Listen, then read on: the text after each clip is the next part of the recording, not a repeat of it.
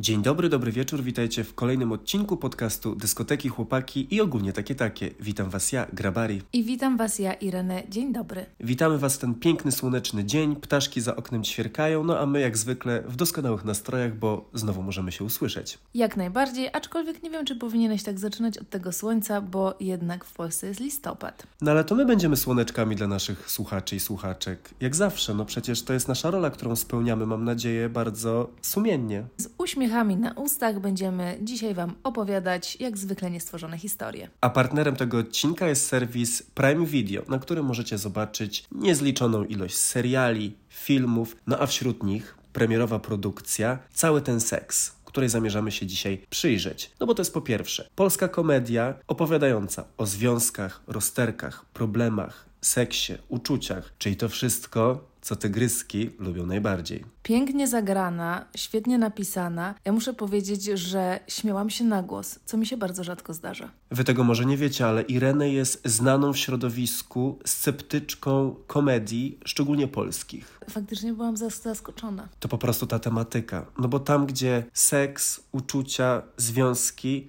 no tam i my po prostu. To się należy nam, żeby takie filmy oglądać i je analizować. I dokładnie takie miałam przemyślenie, że to jest film, który jest dla mnie zrobiony w pewnym sensie. Trochę przełamuje tą moją niechęć do komedii normalną i znaczy taką standardową, którą mam z defaultu. No i zaskoczył mnie, muszę powiedzieć. Głównie dlatego, że nie musiałam się zmuszać, jak to często bywa, jak oglądam polskie komedie, do tego, żeby mi się podobało, tylko byłam faktycznie zaskoczona, jak dobrze to jest zrobione. Cały ten seks opowiada o losach sześciu par, którym życie stawia na drodze różne wyzwania, problemy, no jak to w związkach bywa. I tutaj każda historia dotyczy czegoś innego. My oczywiście nie chcemy Wam spoilerować, natomiast dzieląc się naszymi refleksjami z Wami, no przemycimy trochę takich wątków fabularnych, które możecie tam zobaczyć, a które idealnie pasują do tego, o czym rozmawiamy w naszym podcaście.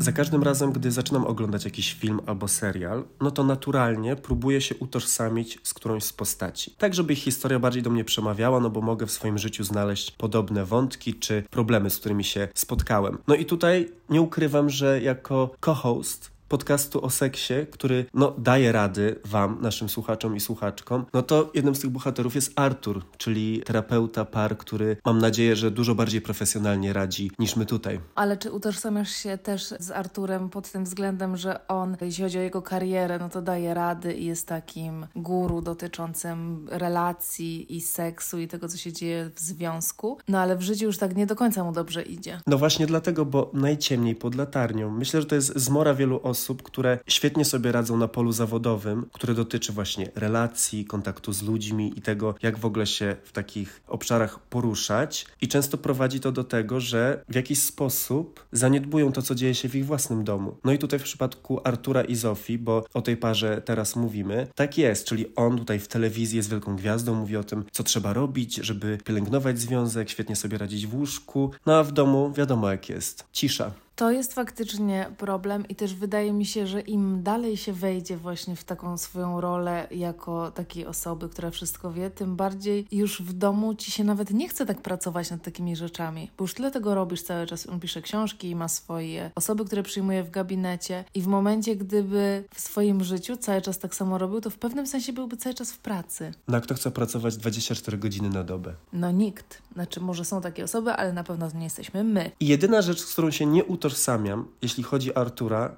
to to, że bym totalnie nie zaniedbał Kasi Warnkę, która gra jego żonę. To jest absolutnie jedna z moich ulubionych polskich aktorek i no, ja ją, można powiedzieć, w jakiś sposób y, kocham.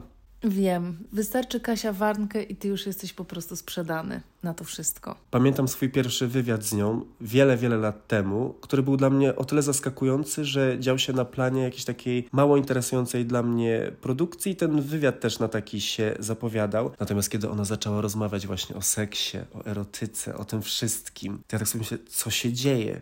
Czy ja właśnie jestem tutaj uwodzony intelektualnie przez tę piękną blondynkę siedzącą naprzeciwko mnie. No i tak trochę było. I to uwodzenie zakończyło się totalnym sukcesem. Mi, nawiązując właśnie do tematu i Kasi Warnkę, bardzo mi się podobało oglądanie jej i Piotra Stramowskiego na ekranie, gdzie oni już nie są parą, a jednocześnie grają, nie będę dokładnie mówić co, ale jest tam jakiś element przyciągania i podrywu. No i to było ciekawe, że wiesz, że te osoby już ze sobą nie są, a jednak muszą to odgrywać i to od razu wzbudza moją taką ciekawość, jak to wyglądało na planie, jak to wygląda teraz, przy promocji filmu. To są prawdziwe, słuchaj, wyzwania aktorskie. Ale takie, no, jeszcze trudniejsze wydaje mi się, że musisz jakby, nie dość, że masz normalnie wyzwanie aktorskie, bo możesz musieć grać, że kochasz osobę, której na przykład nie znosisz osobiście, no ale jeśli jeszcze macie ze sobą historię taką naprawdę intensywną, to to wydaje mi się, że jest zupełnie inny level. Myślę, że ogólnie w tym wątku bohaterów granych właśnie przez y, Kasię Warnkę czy Piotra Stramowskiego. I to, co w ogóle się wybija w tym filmie i też to, co my tak naprawdę bardzo często podkreślamy w naszym podcaście, no to wychodzi na to, że ta odpowiedź na pytanie, jak zapewnić sobie świetny związek, dobre życie łóżkowe, tkwi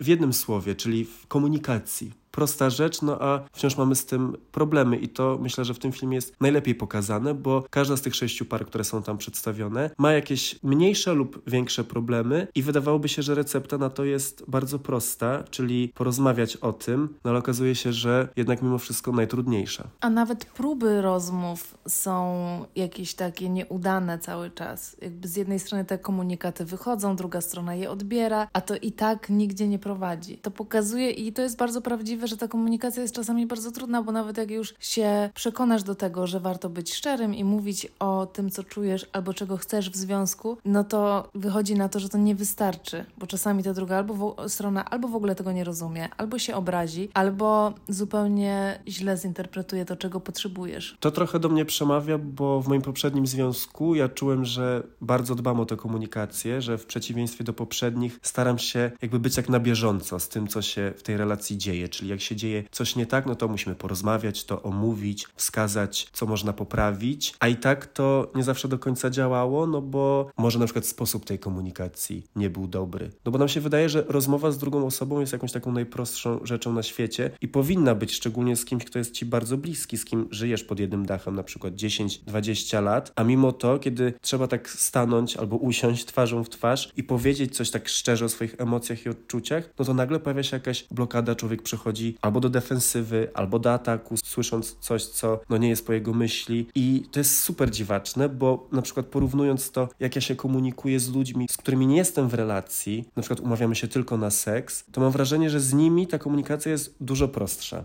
I też może dlatego tak jest, że oni mają i ty masz mniejsze wymagania. No bo jak jesteś z kimś w związku i mówisz pewne rzeczy, to od razu bardzo często się odbiera taką szczerość jak atak albo chęć zmiany, jak, jak, jako jakiś zarzut, że coś w tym związku jest nie tak, ktoś od razu stoi po swojej stronie, wchodzi się w takie role tego, jak te rozmowy wyglądają zawsze. A na takich one night standach czy takich relacjach, które są bardzo powierzchowne, no po prostu skupiasz się na tym, żeby było jak najlepiej w tym momencie. To nie będziesz tam jakby zastanawiał nad jakimiś elementami. Mniej się też trochę wstydził powiedzieć, co chcesz, w takim sensie, że no jeśli to się nie spodoba, to po prostu ta relacja się skończy, ale mało tracisz. A tutaj możesz stracić też albo znowu wejść w jakąś kłótnię, albo zostać niezrozumianym i wtedy się okaże, że zrobiłeś to, skomunikowałeś się, powiedziałeś drugiej stronie, jaki masz problem, czy jaką ma, jakie masz ochotki na różne rzeczy. No i jeśli spotkasz się z odmową,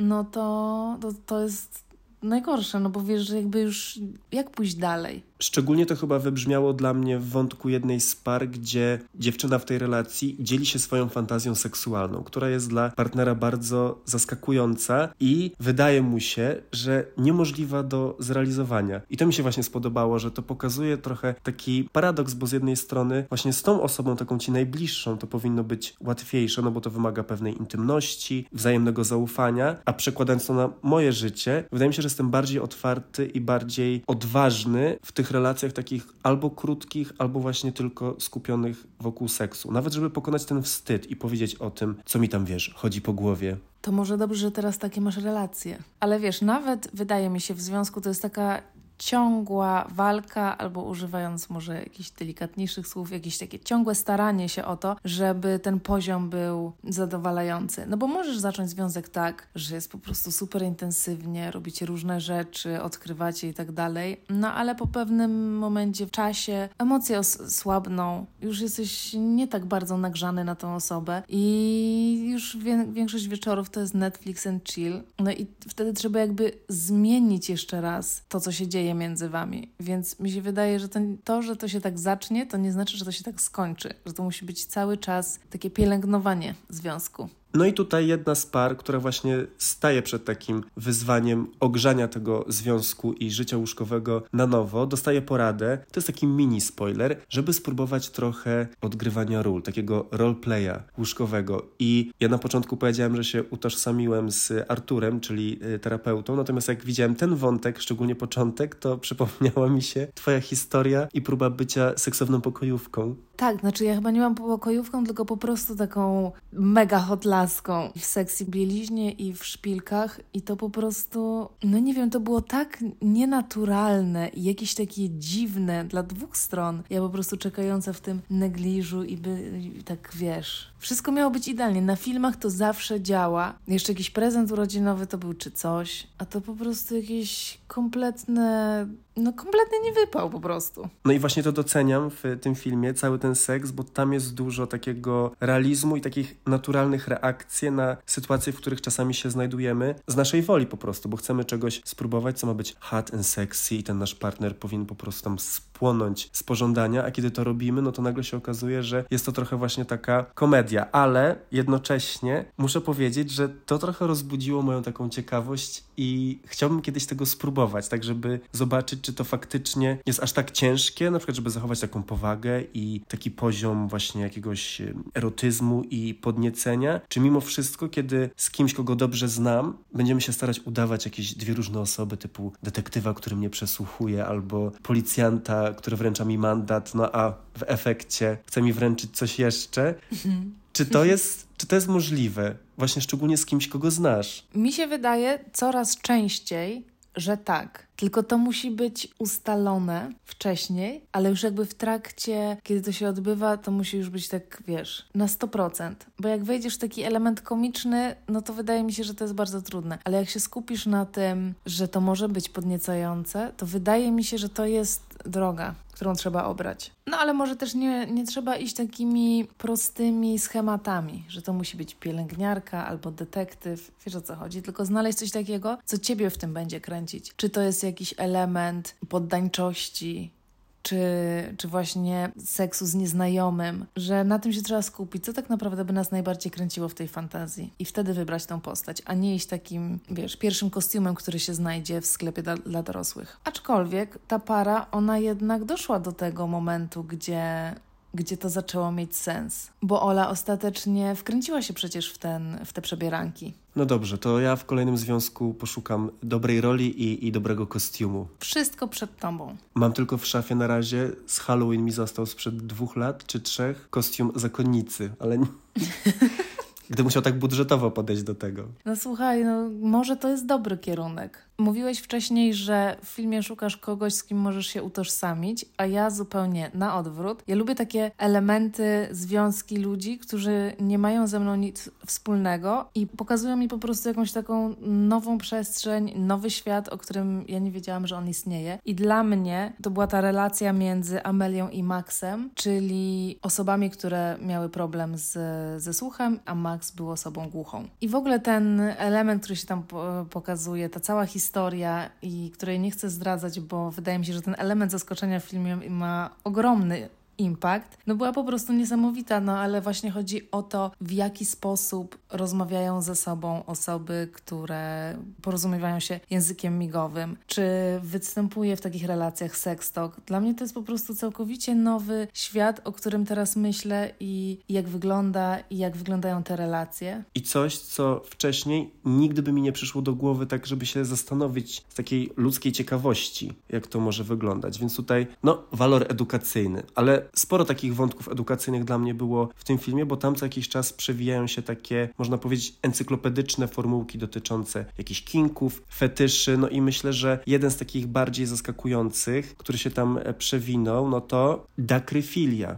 czyli bodźcem seksualnym jest na przykład płacz partnera. No to, to jest mocne. To jest mocne, ale takim bodźcem seksualnym może też być wykonywanie prac domowych przez partnera, dla partnerek. I to mnie jeszcze bardziej dziwi. Ale w pewnym sensie to rozumiem. Bo w ogóle mam wrażenie, że dla kobiet często taka otwartość seksualna łączy się z tym, co się wydarza w ciągu całego dnia. Jeśli partner jest miły, jest nas dobry, robi rzeczy, których normalnie nie robi, to to po prostu podkręca seksualnie i takie pożądanie. Chociaż nie jest to dla mnie takie oczywiste, żeby o tym pomyśleć. Idąc dalej, to Doug czyli właśnie pokazanie takich emocji, takiej innej strony, to po prostu zmienia taką percepcję tej osoby. To jest nawet trochę w pewnym sensie jak taka przebieranka, że gdzieś zupełnie inne emocje w tobie powstają i stosunek do osoby, z którą jesteś. No trochę to, o czym rozmawialiśmy w jednym z poprzednich odcinków, czyli że możemy zobaczyć partnera lub partnerkę z zupełnie innej strony co czasami wydaje się niemożliwe, jeżeli na przykład związek ma bardzo długi staż. No ale ja żałuję, że nie wiedziałem o tym kinku, że kogoś może podniecić widok na przykład osoby, która sprząta, bo myślę, że to jest king mojego byłego partnera, którego nie odkryłem. On by był totalnie podniecony, gdybym ja w końcu mógł być zobaczony w takiej aktywności czysto domowej. Totalnie. Tym bardziej, że wydaje mi się, że to jest właśnie w takich sytuacjach, kiedy ten partner się nigdy takimi rzeczami nie zajmuje. I nagle on to zaczyna robić i po prostu wszystko się zmienia. Nagle bierze odkurzacz, sprząta, pierwszy raz zmywa naczynia na twoich oczach i ty sobie myślisz, muszę mieć go teraz, już, no bo jakby nie ma bardziej podniecającej sytuacji. No to, to jest na przykład rzecz, którą możesz przenieść do swojej następnej relacji. Tak, tak to sprawdzić. Jeśli ktoś wytrzyma to, jak bardzo nie sprzątasz in the first place. No właśnie, bo to musi być taki podjazd do tego, no bo to nie zadziała, jeżeli... Nie, to nie zadziała. To będzie codzienność. Bo jeśli to jest codzienność, to podejrzewam, że tym triggerem do podniecenia jest zupełnie coś innego, czyli właśnie jakaś taka cis-męskość, bardzo tak tradycyjnie i stereotypowo pojmowana. Ja chyba muszę się przyjrzeć bliżej tym kinkom i fetyszom, bo może, może na tym świecie jest ktoś, kogo kręci, jak partner nie sprząta. Ja bym się tutaj widział bardziej.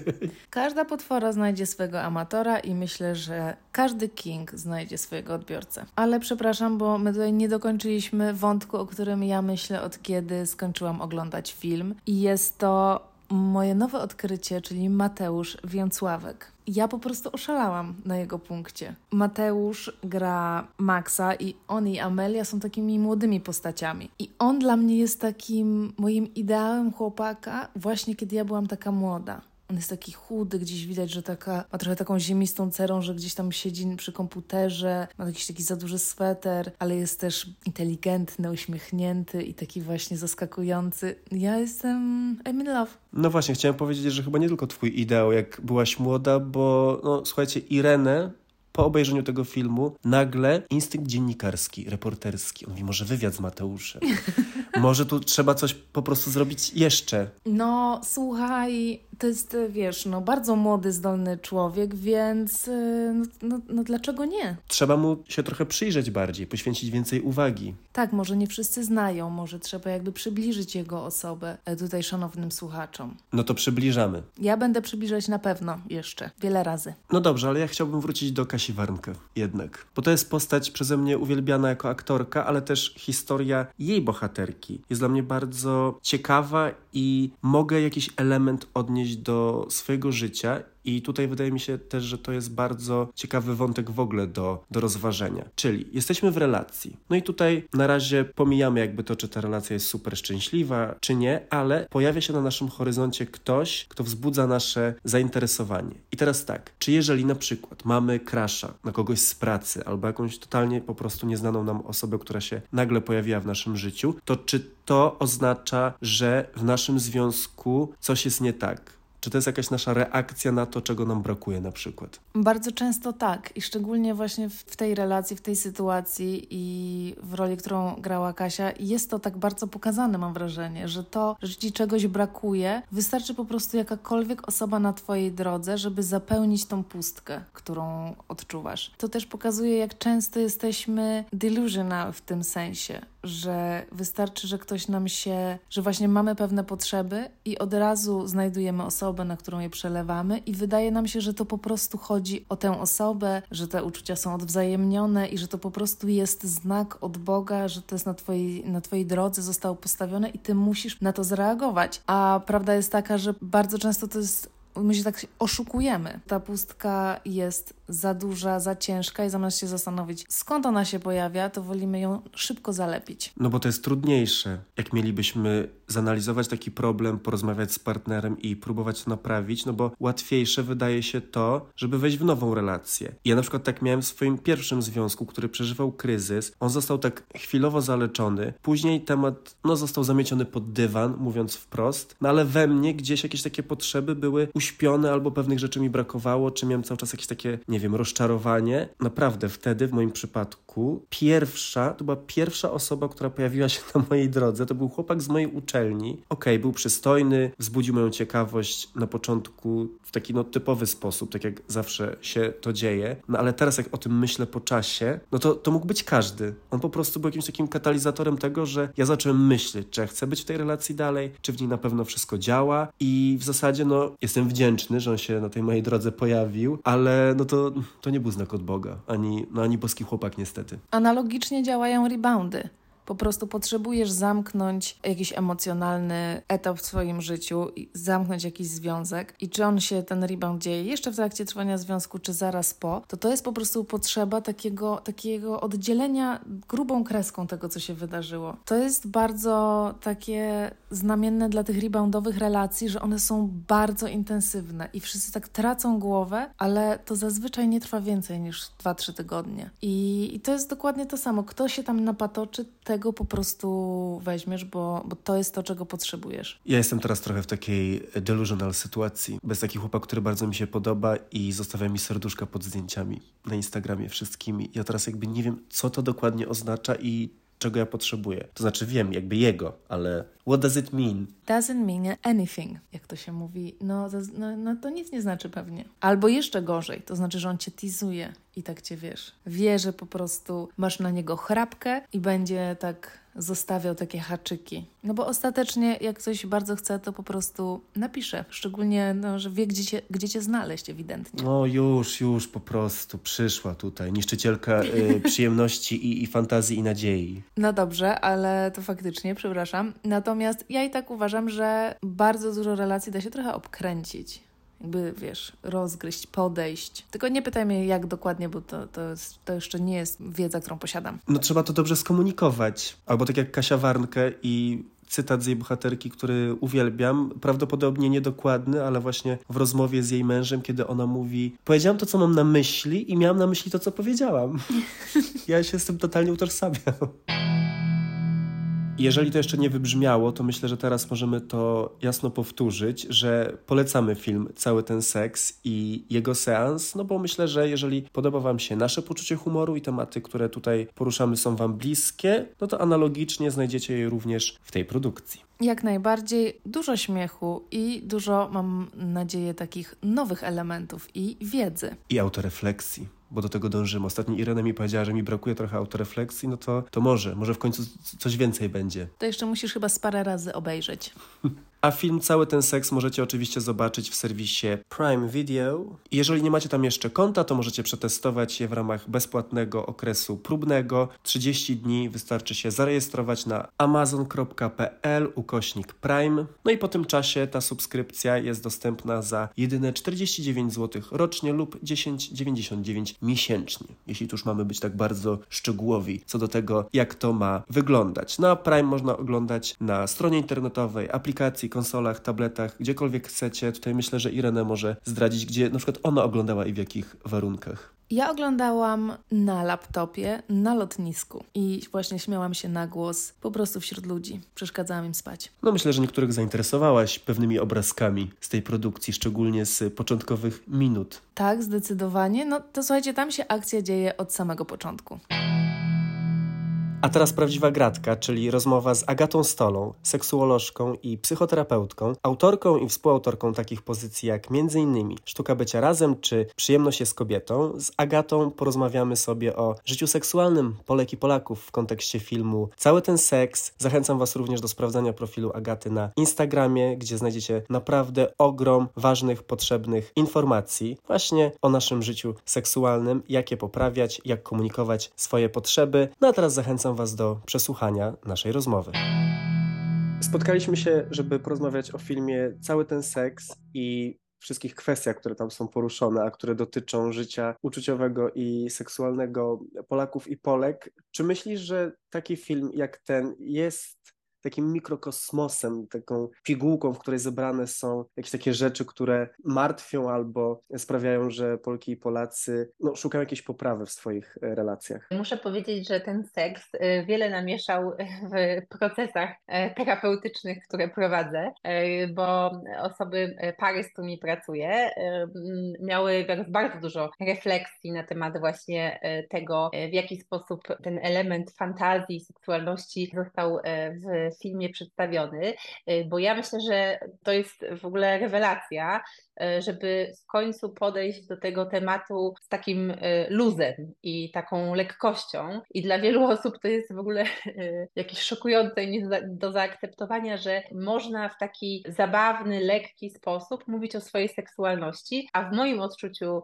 jako seksualności to jest największy problem z seksem taki społeczny, że my jako osoby w Polsce nie potrafimy jakoś złapać tego luzu, żeby się tą seksualnością cieszyć. W związku z tym e, dla mnie e, taka forma właśnie odrzucenia takiego patosu, jakiegoś takiego ciężaru w tej seksualności, to jest jedyna droga do tego, żeby no, mieć w końcu dobry seks, tak w ogóle dla Polek i Polaków. A jak myślisz, skąd się bierze to taka powaga jeśli chodzi o seks i to, że musimy to traktować tak śmiertelnie poważnie, tylko i wyłącznie z tego, że to jest po prostu ważna część naszego życia, więc tak jak no ze wszystkim traktujemy to poważnie, a z drugiej strony to powinna być też zabawa i przyjemność.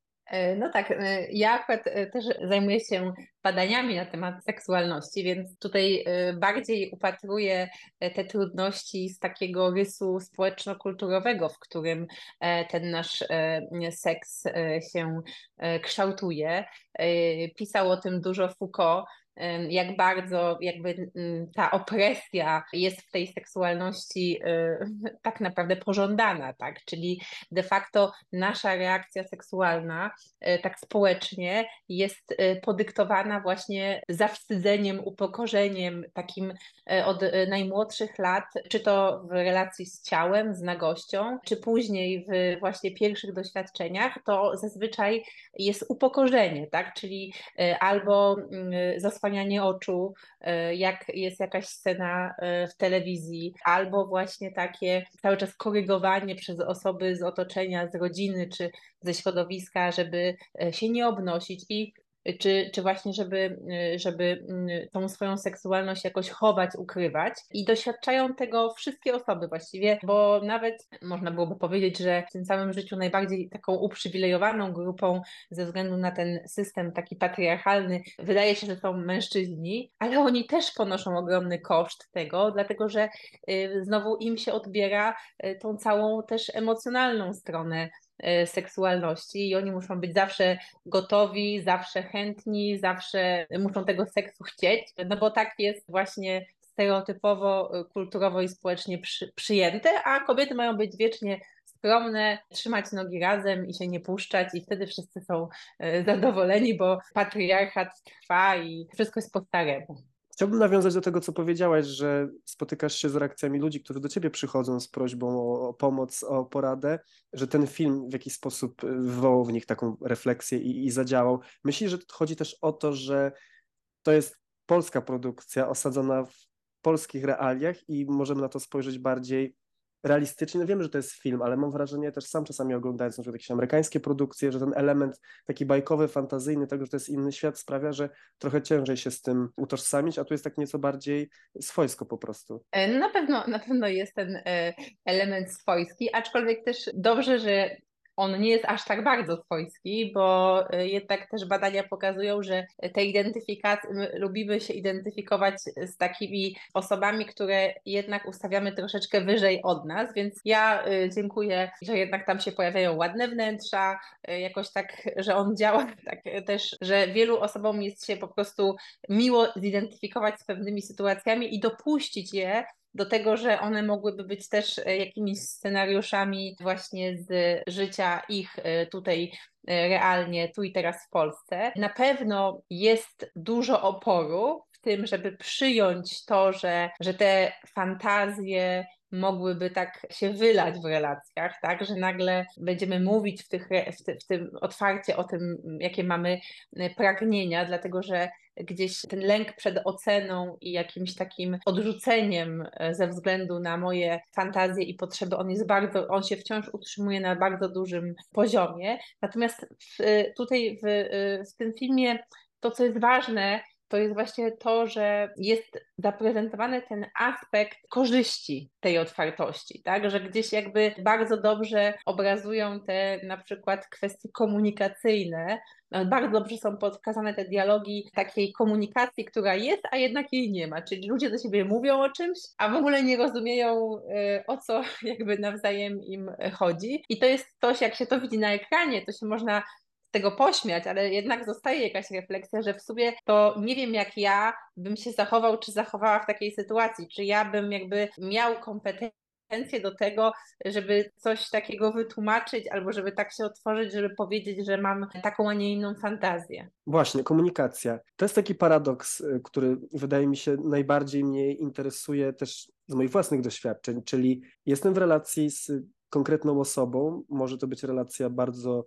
e, długa i poważna i szczera, a mimo wszystko, żeby przed tą osobą się otworzyć, czyli wydawałoby się zadanie najłatwiejsze, no bo przed kim innym, jest bardzo ciężko, właśnie jeśli chodzi o rozmowę o uczuciach czy o seksie, to już w ogóle, szczególnie jeśli jest to taki związek długoletni. No bo najtrudniej nam jest, znaczy najbardziej boimy się utraty naszego wizerunku właśnie w tych najważniejszych relacjach. Czyli można powiedzieć, że łatwiej jest się otworzyć przed kimś obcym. Po prostu przypadkowa osoba, która się napatoczy, jak mamy zły dzień i jej opowiemy o naszych trudnościach, problemach, ale jak ja mam się otworzyć przed kimś, kto jest dla mnie ważny, z kim wiąże e, jakoś e, swoje życie, swoją przyszłość, czy wiąże ją na tu i teraz, czy na dłużej, to nie ma znaczenia, ale to chodzi o to, że w relacje mamy takie przeżycie, że, że musimy jakoś się trochę wykreować w tych relacjach, tak? Że gdzieś często chcemy się na początku związku bardzo dopasować do osoby, z którą się spotykamy, żeby to się udało, żeby to wyszło. Jesteśmy na tym napędzie, na tym rollercoasterze początku euforii, że poznaliśmy kogoś fajnego.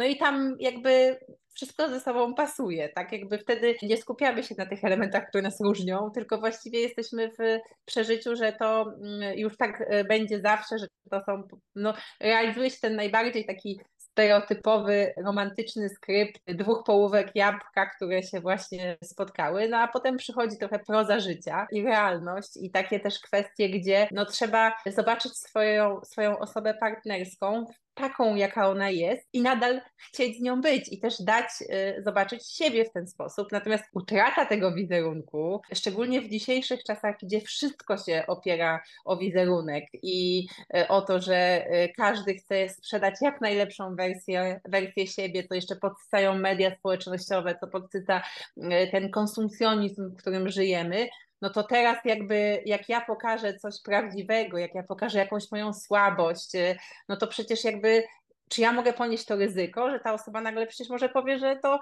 a nie, nie, to ja jednak odpalam apkę, bo przecież tam jest jeszcze 100 innych osób, które y, też czekają, no bo to też jest właśnie druga sprawa tego, że, że często jest tak, że gubimy się w tej ilości opcji, które mamy, tak, zamiast się skupiać na tym, żeby pracować nad komunikacją, nad tym, żeby inwestować w naszą relację, to jak coś się zaczyna psuć, to już nasze myśli idą bardziej w kierunku, no dobra, no to trudno, no to jakby znajdę sobie kogoś nowego, jak tutaj nie wyszło. A satysfakcję i w seksie, i w emocjach, i w intymności daje effort, to, że się jednak jakby y, właśnie pochylimy nad tą relacją i że coś tam się uda wypracować, no to wtedy się wzbijamy naprawdę na, na, na fajny poziom. Jeśli chodzi o fantazje seksualne i to, żeby pozbyć się tego wstydu, to myślę, że w filmie jest ta scena, która bardzo dobrze obrazuje ten taki lęk i wstyd przed tym, żeby się podzielić taką konkretną fantazją ze swoim partnerem, kiedy jedna z bohaterek mówi o takiej, można powiedzieć, kontrowersyjnej swojej fantazji seksualnej i z czego to się bierze? Jak my w ogóle klasyfikujemy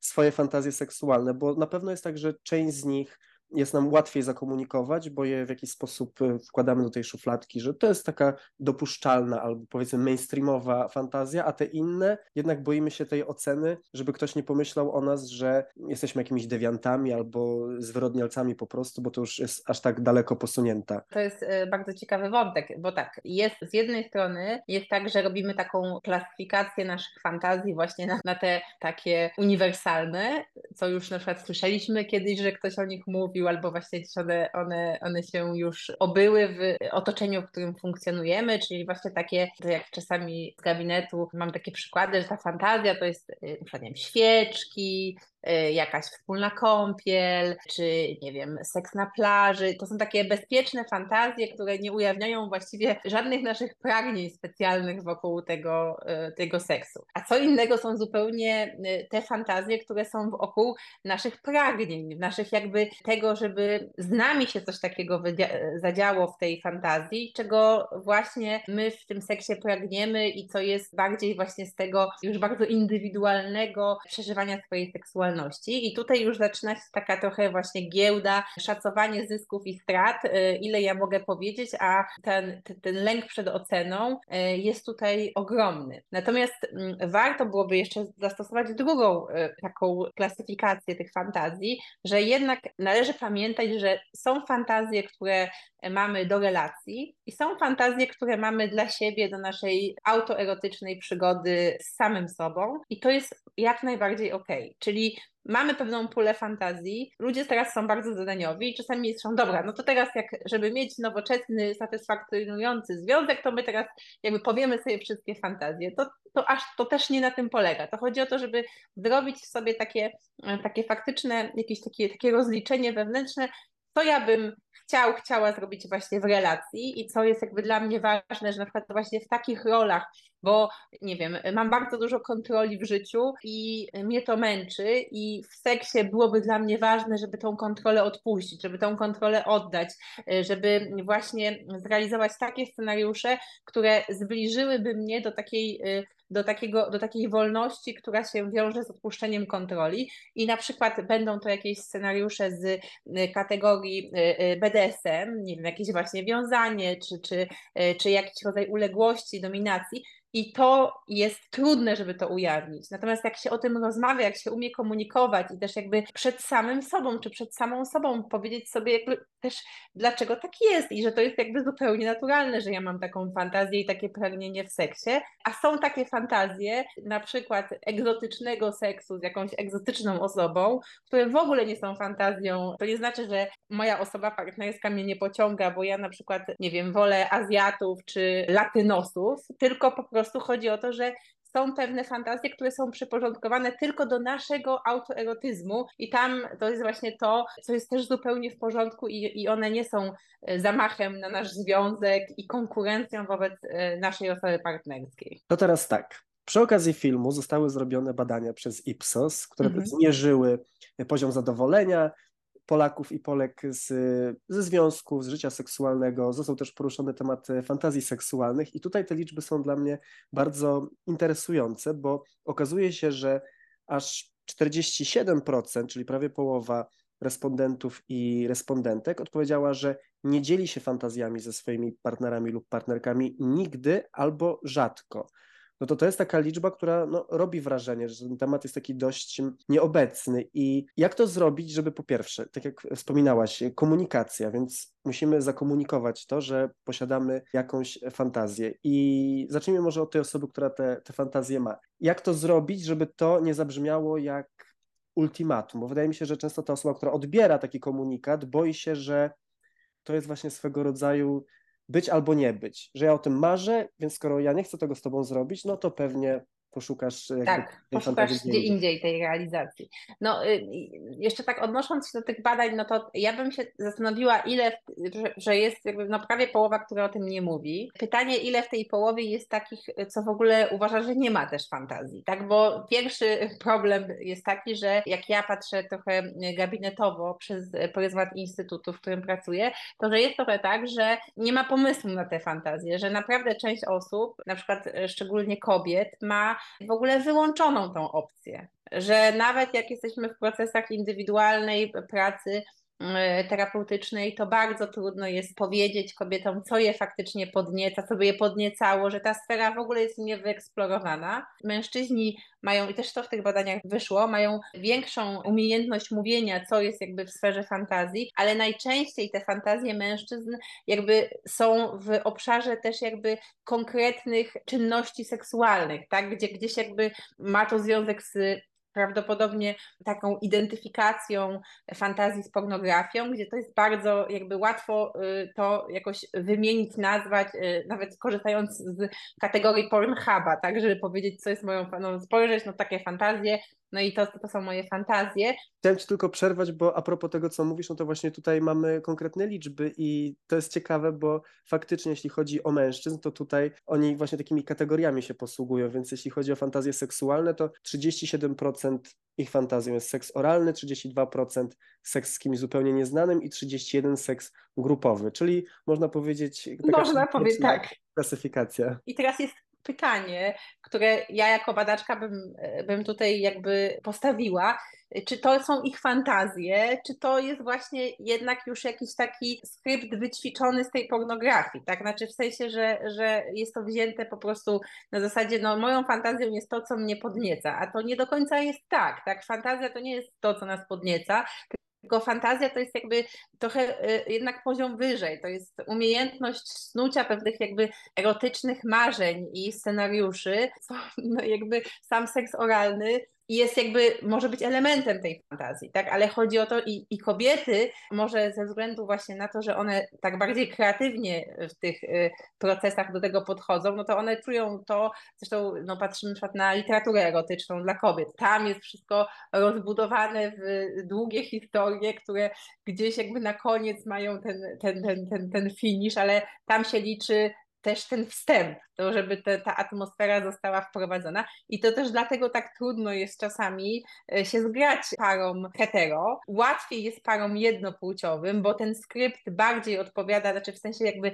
łatwiej jest się tutaj porozumieć w kontekście pragnień, ale znowu też jest tak, że ja pracuję z wieloma parami jednopłciowymi i tam jest jakby też trudność w tym, żeby znaleźć jakieś zasoby do tych fantazji, tak, żeby właśnie nie, nie ulegać tym kategoriom, tylko właśnie posługiwać się jakimiś takimi bardziej, można było powiedzieć, bogatymi narzędziami w tworzeniu tych, tych seksualnych historii, a nie sprowadzać tego seksu, skoro oboje wiemy, co nam sprawia przyjemność, no to już zostajemy jakby w tym, w tym schemacie, i nie musimy eksplorować, bo on, a on się i tak jakby w pewnym momencie, jak nie pielęgnujemy seksu i nie właśnie nie, e, nie szukamy inspiracji, no bo w seksie trzeba szukać inspiracji, nie można stać w miejscu i cieszyć się, że no dzisiaj nam to libido działa, e, tylko po prostu trochę tak jak ja bardzo lubię te porównania z jedzeniem, e, właśnie, że, że to trochę tak jest, że po prostu no, trzeba cały czas jakby jednak otwierać się na nowe smaki. To jest bardzo interesujące, co mówisz w kontekście tego takiego ogólnego tutaj mm, wniosku, który wyszedł w, w tych badaniach Ipsosu, który mnie szczerze mówiąc trochę zaskoczył, bo wynika z niego, że 80% ponad, 81, patrzę teraz na te badania, osób badanych jest zadowolona ze swojego życia seksualnego, a wydawałoby się, że ta liczba powinna być mniejsza, tak mówiąc brzydko Ale na to jest standard, tak, to jest w ogóle standard polskich badań. Znaczy Polacy, we wszystkich badaniach wychodzi, że Polacy są bardzo zadowoleni ze swojego seksu, no i to znowu, no to wszystko zależy od tej interpretacji. To taka powierzchnia tych badań, czyli czy jesteście zadowoleni z seksu, będąc w, w relacji poważnej lub luźnej? Tak, 81%, ale idąc głębiej w te badania, kiedy te pytania stają się bardziej szczegółowe i dotyczą właśnie potrzeb, tego, czy chcielibyście czegoś więcej, waszych fantazji, to okazuje się, że to 81% nie do końca tutaj koresponduje z, tym, z tymi kolejnymi wynikami, które mówią tak, chcemy więcej, inaczej, boimy się powiedzieć, co jeszcze byśmy chcieli. Myślę, że im głębiej, to tym by, ta skala by się jeszcze bardziej tutaj nam rozjeżdżała, tak? No, że to trochę tak jest, że, że deklaratywnie, do, w ogóle tak, myślę, że tutaj kilka czynników działa. Z jednej strony to już samo jakby pytanie o seks jest krępujące, więc powiedzenie, że jestem zadowolony czy zadowolona, to poniekąd jest już, można było powiedzieć, jakimś mechanizmem obronnym na zasadzie, że może nie będzie dalszej kontynuacji tych pytań na ten temat, bo jak powiem, że nie, to trzeba będzie jeszcze jakoś powiedzieć, jakby z czego nie jestem zadowolony i zadowolona. Chcemy mieć takie przeżycie naszej seksualności, też, że jakby, że jest z nią wszystko ok. Znowu, ja jakoś, no nie mam na to jakby badań, tak, ale jakoś intuicyjnie mam poczucie, że to, to jest tak jak trochę w gabinecie przychodzi osoba i mówi wszystko w porządku, wszystko dobrze, a potem zaczyna się rozmowa i opowiadanie o tym, co się e, złego wydarzyło i z czego jest e, niezadowolona. Także to jest taki z automatu mówimy, że tak, ale żeby się do tego jakoś też nie zbliżać samemu, tak? I, a druga sprawa, no to jesteśmy społeczeństwem, które nie ma edukacji seksualnej, które w większości nie ma dostępu do takiej w ogóle wiedzy na temat seksualności w jej pozytywnym, afirmatywnym aspekcie. W związku z tym można powiedzieć, że wiele osób, które jest zadowolone z seksualności, może w ogóle nie, nie doświadczać tej seksualności na takim poziomie, jaki faktycznie e, jest w ich zasięgu, tak? Czyli, czyli że moglibyśmy być dużo bardziej zadowoleni, gdybyśmy mieli szerszą perspektywę, gdybyśmy tą seksualność widzieli jakby w, w innym, e, na, na, na takim większym horyzoncie. Więc tak, wnioski końcowe i z filmu, i myślę z naszej rozmowy to, to komunikacja, ale chciałbym Cię zapytać o Twoją rolę w takim procesie, właśnie w którym pary chcą więcej, lepiej, inaczej. Jak w ogóle taki temat wizyty u seksuolożki czy u, u terapeutki poruszyć? Bo wydaje mi się, że często się interpretuje taką propozycję jako właśnie taki znak, że oj, coś jest nie tak, tak jakbyśmy szli do lekarza i mieli coś tutaj e, zaradzić. Ty możesz być tak, taką suflerką w zasadzie i pomóc tym osobom się skomunikować, no bo tak jak powiedziałaś, nie mamy narzędzi i, i społecznie, i też w trybie, w jakim jesteśmy wychowywani, czy jak rozmawiamy o seksie, do tego, żeby te rozmowy faktycznie jakby dobrze się spięły i żeby wszystko dobrze wybrzmiało, no bo o to ostatecznie też chodzi. Dokładnie tak. Znaczy ja w ogóle jestem e, za tym, żeby zanim się przyjdzie do seksuolożki, czy do seksuologa, czy na terapię pary, to żeby jednak spróbować samodzielnie e, pewne tematy poruszyć i przyjść też już jakby z jakimś materiałem, który się wniesie na takie spotkanie. Film jest tego jakby idealnym, jakby idealnym takim narzędziem do tego, żeby na przykład właśnie na początku zainicjować taką rozmowę w relacji na temat właśnie seksualności. E, ja też, ponieważ mam już jakby doświadczenie wielu lat pracy z parami właśnie w obszarze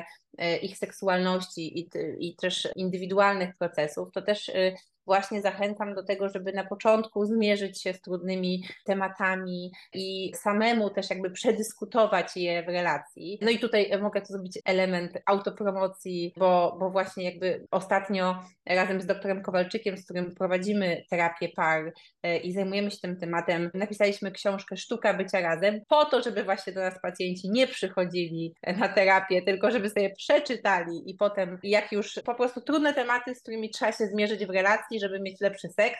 I jeżeli jest tak, że nie wystarczy po prostu wprowadzić się w nastrój rozmowy i wykorzystać te narzędzia komunikacji, to dopiero wtedy korzystamy z y, pomocy y, y, specjalistów, bo najgorszym właściwie takim scenariuszem dla, dla mnie jako seksuolożki, jako psychoterapeutki, to jest to, jak przychodzi do mnie para, i nie ma żadnej motywacji do tego, żeby pracować, i bardzo duże oczekiwanie, że ja e, będę miała jakąś super moc, która sprawi, że ten seks nagle w relacji e, e, się pojawi, a oni tylko odhaczają te spotkania na zasadzie, że no my swoje zrobiliśmy, bo już przyszliśmy. W związku z tym nie ma takiej recepty, że to się zadzieje samo. Jak mamy jakieś trudności w obszarze naszej seksualności, jak mamy jakieś blokady, jak się z czymś zmagamy właśnie takim, że na przykład ta szczerość jest trudna, no to nie obejdzie się bez pewnego dyskomfortu i wyjścia z tej strefy komfortu swojego,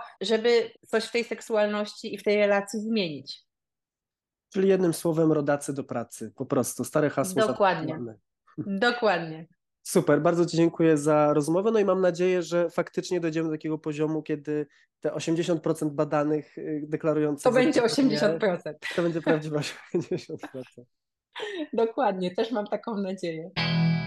Drodzy i drogie, tyle od nas. Jeżeli ktoś już widział film Cały ten seks, to oczywiście zapraszamy do podzielenia się swoimi refleksjami i recenzjami. Kto nie widział, no to zachęcamy do obejrzenia w serwisie Prime Video. No i my tutaj zostajemy, jesteśmy do Waszej dyspozycji, żeby o, o całym tym seksie, związkach, relacjach i uczuciach dalej rozmawiać. Czekamy na recenzję. Wysyłajcie, co myślicie, jak Wam się podobało, co Was najbardziej rozbawiło. No a wiadomo, gdzie wysyłacie. Na Instagramie. Kobieta na skraju. Grabari.pl. A my słyszymy się już w kolejnym odcinku. Do usłyszenia.